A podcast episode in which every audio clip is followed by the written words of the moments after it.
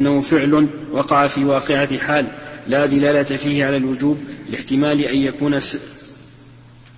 ما هو واضح يا شيخ؟ أن يكون سبب البعث؟ أن يكون سبب البعث؟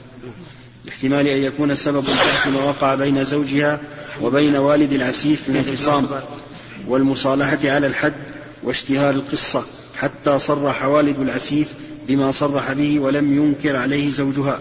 فالإرسال إلى هذه يختص بمن كان على مثل حالها من التهمة القوية بالفجور وإنما علق على اعترافها أو, أو إيش؟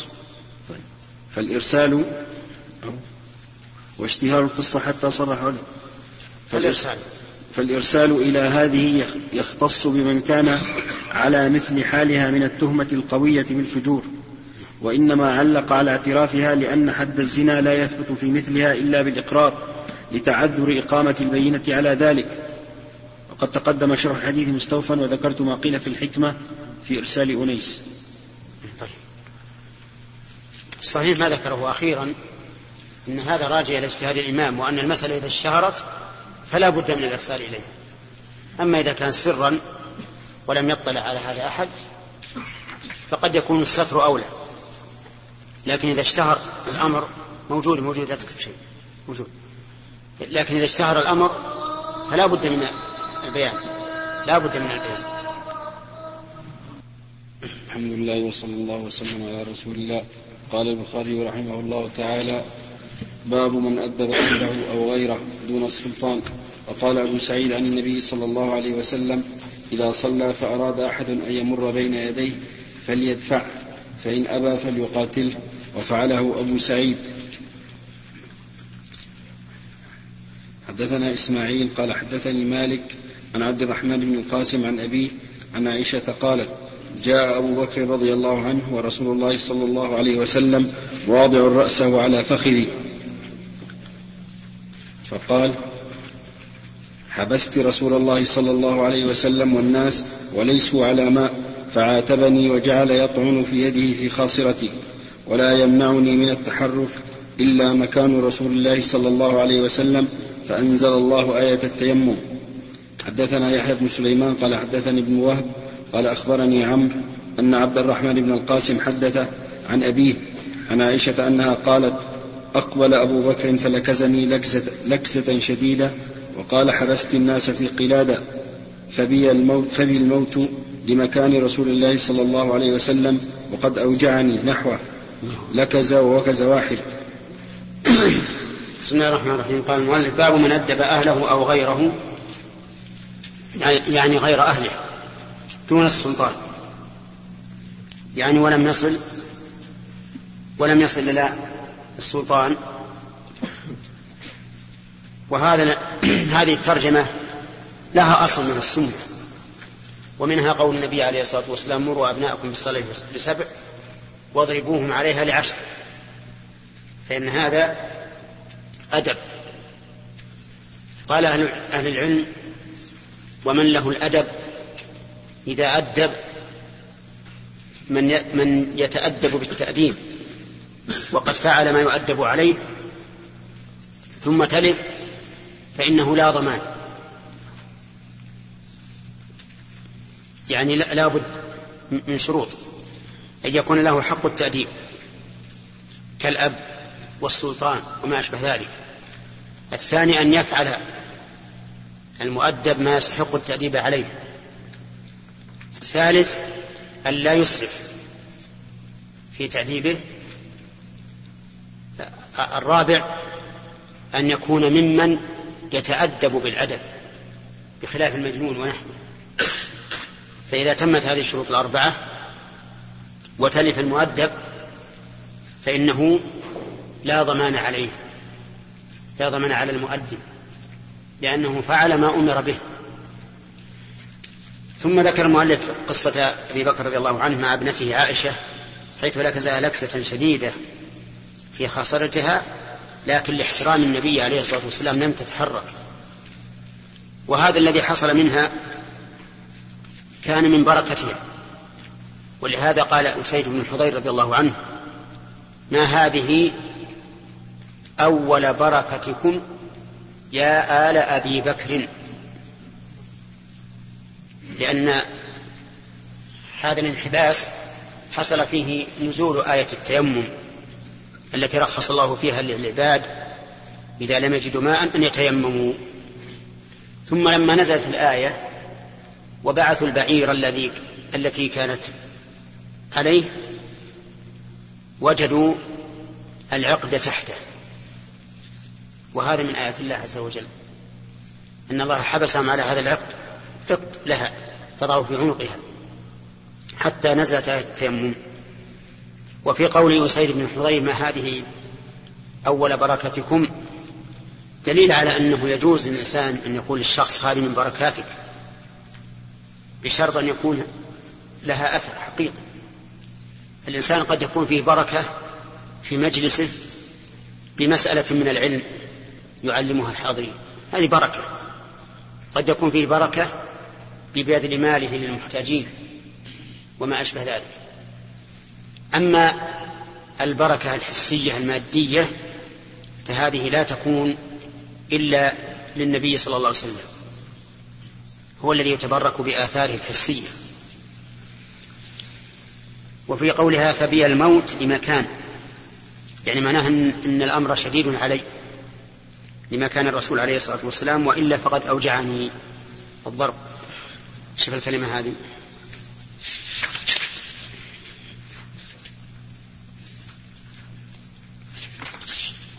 ها؟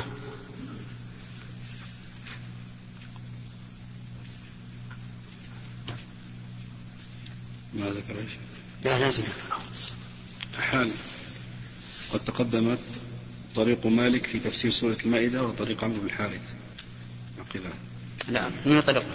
قوله لكذا وهو كذا واحد. اللي عندنا ما هي طريق؟ من واحد.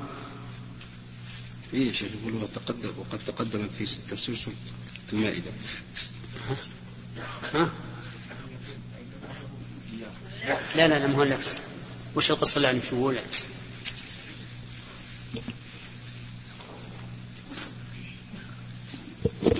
يقول فبي الموت أي فالموت ملتبس بي لمكان رسول الله صلى الله عليه وسلم.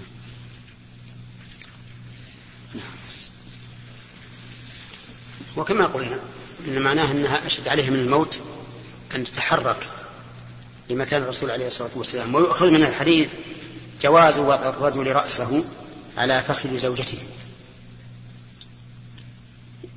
ينام عليه ويستريح يجعله لها له كالوسادة. نعم.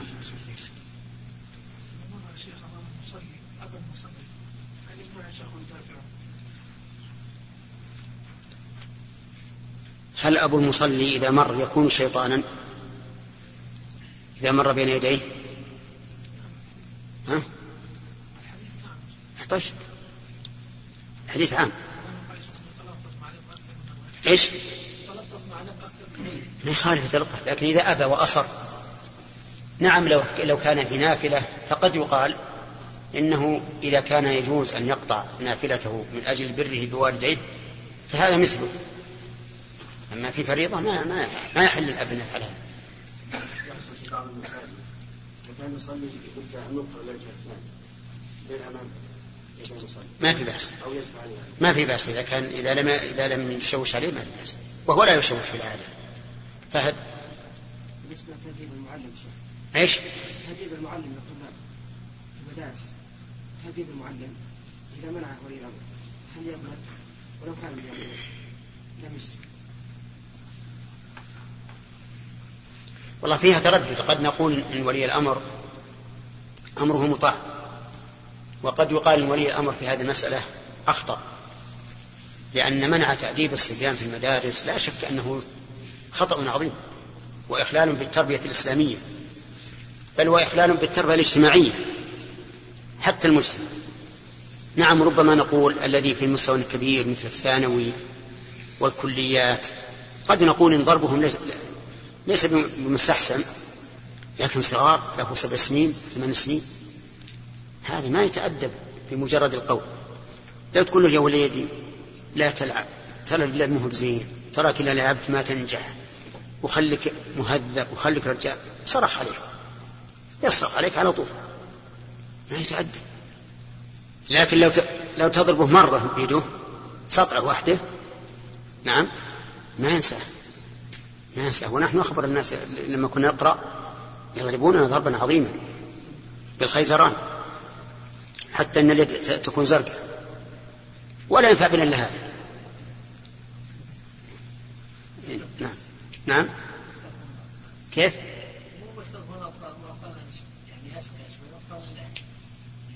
ما أدري شو تقول. هي يختلفون ما في شك. كلنا كلنا نختلف. حتى الرجال يختلفون. لكن كون نقول لا تضربون أحد مو صحيح ابدا هذه تربية سيئة. ولا ينفع بالصبيان الا إلا الضرب. انك تبي تهديه نعم. ولكن كما قلنا لا بد من الشروط. نعم. باب من رأى مع امرأته رجلا فقتله. حدثنا موسى قال حدثنا أبو عوانة قال حدثنا عبد الملك عن وراد كاتب المغيرة عن المغيرة أنه قال قال سعد بن عبادة لو رأيت رجلا مع امرأتي لضربته بالسيف غير مصفح. فبلغ ذلك النبي صلى الله عليه وسلم فقال أتعجبون من غيرة سعد؟ لا أنا أغير منه والله أغير مني. قوله عليه الصلاة والسلام أتعجبون يعني إعجبوا منه. الاستفهام هنا بمعنى الأمر. مثل قوله تعالى فهل أنتم مسلمون؟ أي؟ ها؟ أي فأسلموا لكن قال لا أنا أغير منه والله أغير مني. وصدق الرسول عليه الصلاة والسلام. أشد الناس غيرة على المحارم رسول الله صلى الله عليه وسلم. وأشد منه ربه عز وجل. ولهذا حرم الفواحش ما ظهر منها وما بطن. حرمها لأن لأنه سبحانه وتعالى أغير أحد.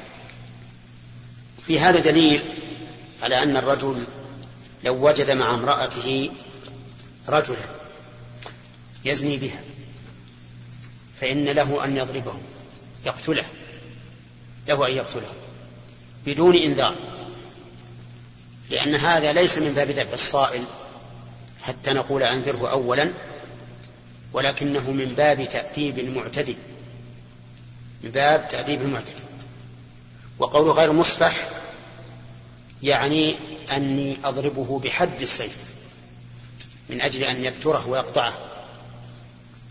ولم ينكر النبي عليه الصلاة والسلام هذا من سعد بل جعل هذا من مناقبه حيث قال أتعجبون من غيرة سعد. وقد حصل هذا في عهد أمير المؤمنين عمر بن الخطاب رضي الله عنه. فجاء رجل فدخل على أهله فوجد عليهم رجلا يزني بهم والعياذ بالله. فأخذ السيف فقده نصفين. الزوج أخذ السيف فقد الرجل نصفين. ثم ترافعوا إلى عمر بن الخطاب رضي الله عنه. فقالوا نعم أقروا؟ بأن الرجل زنى بامرأته فأخذ عمر السيف وهزه وقال إن عادوا فعد. إن عادوا فعد. فهذا تطبيق للحديث الذي ذكر. أما لو رآه على غير هذه الحال مثل أن يراه مختليا بها أو يقبل أو ما أشبه ذلك فإنه لا يحل له قتل. ولكن له أن يرفعه إلى ولي الأمر وإذا صال عليه فله أن يدافعه فإن لم يندفع إلا بالقتل فله قتل.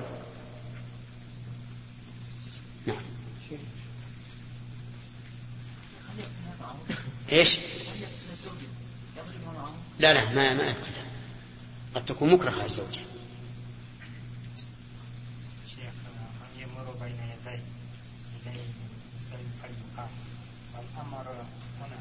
أقل شيء هو الاستطلاع. ونحن تركنا وما وجدنا أقل من المسجد حتى نعم. هل قال فليقتلها أو فليقاتلها يعني يدافع بشدة. وليس له قتل وأنا ذكرت لكم قبل ولكن الظاهر ليس بحاضر. أن هناك فرقا بين القتال والمقاتلة. هو والقتل. هنا خالد؟ لو وجد مع امرأته رجل يقبلها فلم يملك نفسه فقتله يكتب به. الله يحتمل أن يكون هذا شبهة شبهة يدرأ بها القصاص. ويحتمل أن نقول لا القصاص متحتم وإذا كان معذورا عند الله فهو في الآخرة يعذر. أما في الدنيا فلا يعذر لأنه لم يصل إلى حد يبيح قتله. نعم. ما هو سهل لكن ليس كالزنا. ليس كالزنا. حتى في العرف وفي الذوق وفي الشرع. باب ما جاء في التعريض حدثنا إسماعيل قال حدثني مالك عن ابن شهاب عن سعيد بن المسيب عن أبي هريرة رضي الله عنه أن رسول الله صلى الله عليه وسلم جاءه أعرابي فقال يا رسول الله إن امرأتي ولدت غلاما أسود. فقال هل لك من إبل? قال نعم. قال ما ألوانها؟ قال حمر. قال فيها من أورق? قال نعم. قال فأنى كان ذلك. قال أراه عرق نزعه. قال فلعل ابنك هذا نزعه عرق. التعريض يعني أن لا يصرح بالقذف بل يأتي بكلام يدل عليه ولكن ليس بصريح.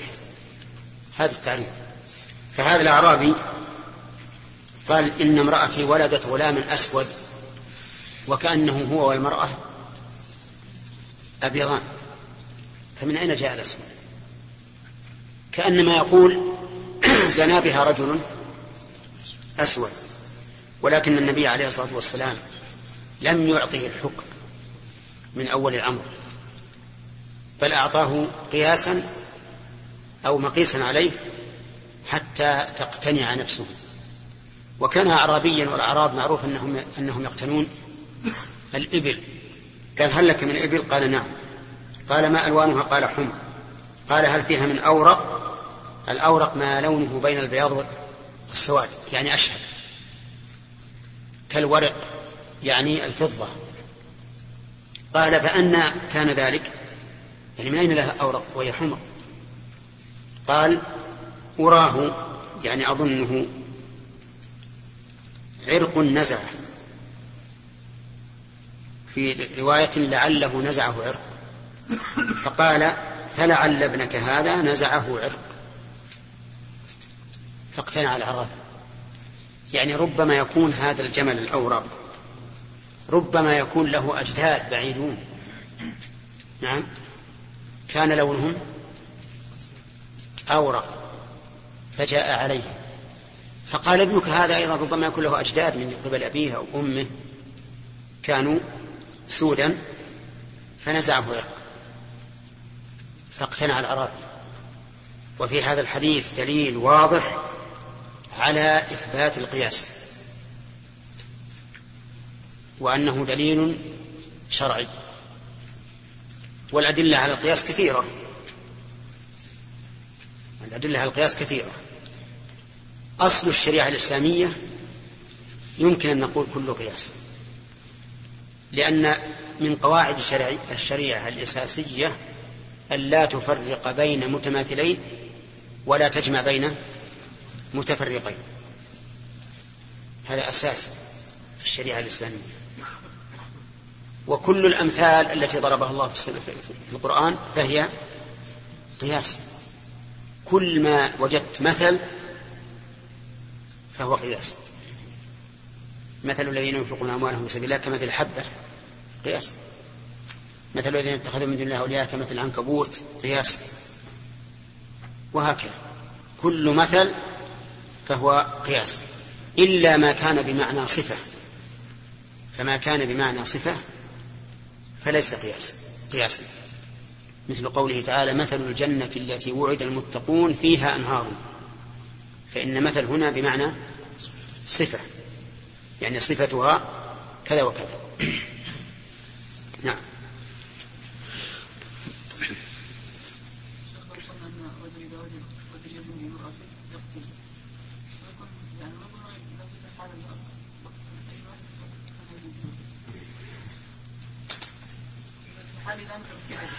نعم ما تقول في هذا الإشكال هذا الإشكال غير وارد يا ناصر غير وارد إطلاقا لأنه لا يمكن أن نرفع القصاص عنه حتى يثبت ما, ما, ما ادعاه. يثبت. إما بإقرار الرجل كما فعلوا عند عمر بن الخطاب إقرار أهل الرجل كما فعلوا عند عمر أو بأن مثلا لما قتله خلاه يبقى. وقال للزوجة لا تقومي. إن قمت فأنا أقتلك. وأتى بشهود أو يكون على القول الراجح هناك قرينة تدل على صدق الزوج وعلى أن الفاعل معروف بالشر والفساد. فهذه قرينة. وإلا مشكل. حتى, حتى لو أحد لو أن أحد اعتدى عليك في البيت وصال عليك ثم لم يندفع إلا بالقتل فقتلته وادعى أولياؤه أنك قاتل عمدا وأنه لم ي... لم يصل عليك فأنت إذا لم تأتي ببينة تقتل إلا إلا على القول الصحيح الذي اختاره شيخ الإسلام أنه يرجع في هذا إلى القرائن يعني فإذا كان المقتول معروفا بالشر والفساد والقاتل معروفا بالصلاح فإننا نقبل قول القاتل ها؟ ها؟ إيش؟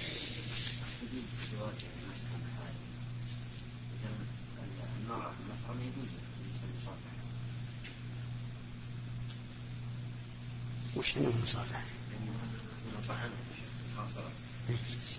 طعن مو مو مصافحة إن شاء الله تعالى اذا انتهت الصلاة اصافحك على هذا الوجه نعم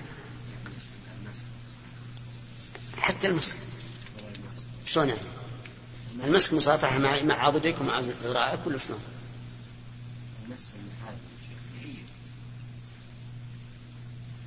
ما كان هل يجوز الانسان يمس خاصه اي اي نعم. اي نعم. ما في شيء. لأن الخاصره فوق العورة. ثم إن اللمس أيضا غير اللكز. اللاكز غضبان. يريد التأديب. ما هو لما الذي تريد؟ لكن يجي واحد يمسح الخواصر. ما ندري والله عن هذا. الله أعلم بحاله فرق بين واحد يمسك الخاصر يبدأ يمسحه ويفغص يقول والله خاصر طيب وبين واحد يلكس الآن خاصر بينهم فرق عظيم. نعم. نعم.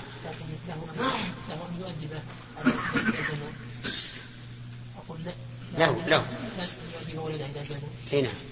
لكن لا يبلغ به الحد يكون تعزير هذا إذا أراد الستر عليه. أما إذا أراد أن يعذبه بنية إقامة الحد فهذا لا يجوز. نعم نعم. باب كم التعزير والأدب. حدثنا عبد الله بن يوسف قال حدثنا الليث قال حدثني يزيد بن أبي حبيب عن بكير بن عبد الله عن سليمان بن يسار عن عبد الرحمن بن جابر بن عبد الله عن أبي بردة رضي الله عنه أنه قال كان النبي صلى الله عليه وسلم يقول لا يجلد فوق عشر جلدات إلا في حد من حدود الله. حدثنا عمرو بن علي قال حدثنا قول باب كم التعزير والأدب. يجب أن نعلم ما معنى التعزير. التعزير يطلق بمعنى النصرة ويطلق بمعنى التأديب. فمن إطلاقه يرحمك الله من إطلاقه بمعنى النصرة قوله تعالى لتؤمنوا بالله ورسوله وتعزروه. أي تنصروه. ومن الإطلاق بمعنى التعزير ما ما شاع عند أهل العلم. التعزير هو التأديب. وقول المؤلف والأدب من باب عطف المثل على مثل. كقول الشاعر فألفى قولها كذبا وميلا. وإذا كان التعزير بمعنى الأدب فهل هو واجب أو مستحب أو يرجع فيه إلى المصلحة؟ نعم فيها أقوال ثلاثة. قول أنه مستحب وقول أنه واجب وأنه يجب على الإمام أن يعزر في كل معصية ليس فيها حد ولا كفارة. والقول الثاني أنه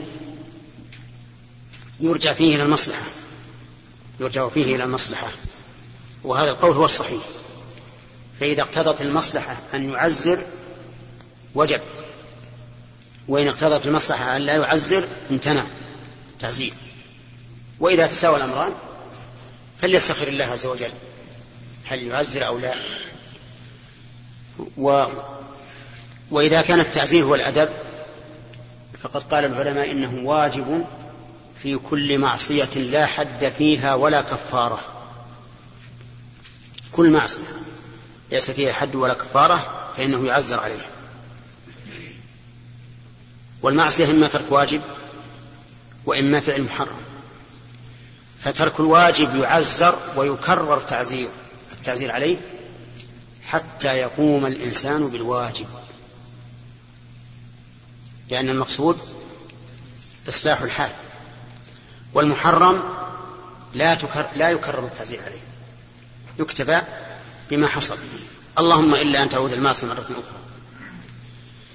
أما ما فيه الكفارة فإنه لا يعزر عليه اكتفاء بالكفارة. وما فيه الحد لا يعزر عليه اكتفاء بالحد. وكذلك القصاص لا يعزر عليه اكتفاء بالقصاص.